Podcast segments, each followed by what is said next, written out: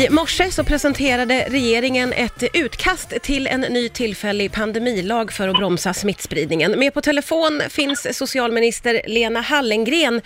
Vad behöver ske för att det här lagförslaget ska gå igenom, Lena? Ja, men nu skickas det på remiss då. Alltså det finns hundra, lite drygt, eh, företag, organisationer, myndigheter, kommuner som får möjlighet att tycka till, lämna synpunkter. Vad har vi missat? Vad borde se annorlunda ut? Och det vill vi förstås ta hänsyn till och försöka på bästa sätt eh, liksom, ta med vårt sen förslag. Mm. Sen går det också förstås till alla partier i riksdagen och det är ju det, är det som är det avgörande, att vi får ett, ett tillräckligt stort stöd. Jag upplever att många vill att vi ska ha en, en, en pandemilag som är anpassad efter covid-19 eh, och det hoppas jag att vi ska kunna komma överens om. Och hur kommer den här lagen att fungera rent praktiskt?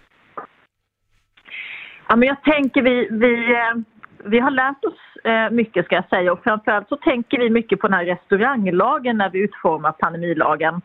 Alltså att man bestämmer sig i riksdagen för att nu finns det en lag som ger möjlighet för regeringen när det gäller kultur och fritid, när det gäller handelsplatser, köpcenter, kollektivtrafik, uthyrning av, liksom, av lokaler på, på yrkesmässig uthyrning av lokaler på alla de områdena så kommer det finnas, så säger man att det är okej att regeringen tar fram förslag på lite mer exakt hur man ska begränsa med öppettider, kanske hur många besökare, vad man ska tänka på för att se till att man kan bedriva verksamheten smittsäkert. Mm. Så att regeringen får liksom en möjlighet att utföra de här olika förslagen så att det inte ser likadant ut i all verksamhet. Mm. Och så har man gjort med restauranglagen då har man ju sen talat om hur långt ska det vara mellan borden och det ska vara bordservering. På den detaljnivån är ju inte riksdagen utan då får vi ju be våra myndigheter hjälpa till att ta fram de förslagen. Ja, just det. Och i den här nya pandemilagen så får regeringen rätt att fatta beslut om nedstängning. Vad skulle krävas för att man fattar ett sådant beslut? Alltså vi säger det och jag sa det också idag på presskonferensen att det är en sista åtgärd. Det är, inte att, det är verkligen inte det vi vill. Och det skiljer lite grann mot den här lagen som vi fick beslutad i riksdagen i april. Det var väldigt mycket fokus just på att stänga hela verksamheter. Eh, vi såg ju hur Europa på olika sätt hade lockdowns till exempel. Ska vi stänga hela Arlanda? Ska vi stänga alla köpcenter? Men det är ju otroligt ingripande och det ska ju verkligen till någonting väldigt speciellt för att man ska göra det. Mm. Så att vi ser ju framförallt att det handlar om att reglera, att tvinga verksamheten att göra förändringar så att man inte har trängsel och att man inte får för mycket kontakt och att man ska kunna helt enkelt undvika att det blir en riskmiljö. Eh, många undrar ju faktiskt varför förslaget om den här lagen inte har kommit tidigare.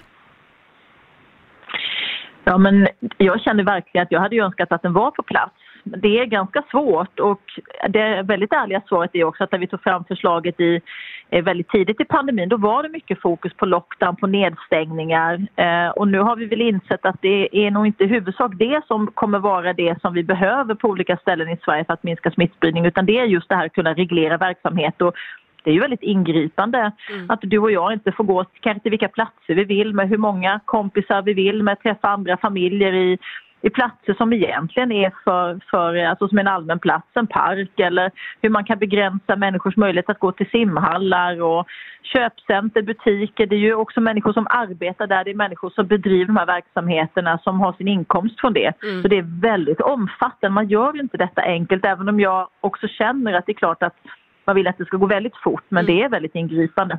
Mm. Och den här lagen, om den går igenom, då kommer att gälla från den 15 mars, ska vi säga. Tusen tack socialminister Lena Hallengren för att du var med här på Rix FM.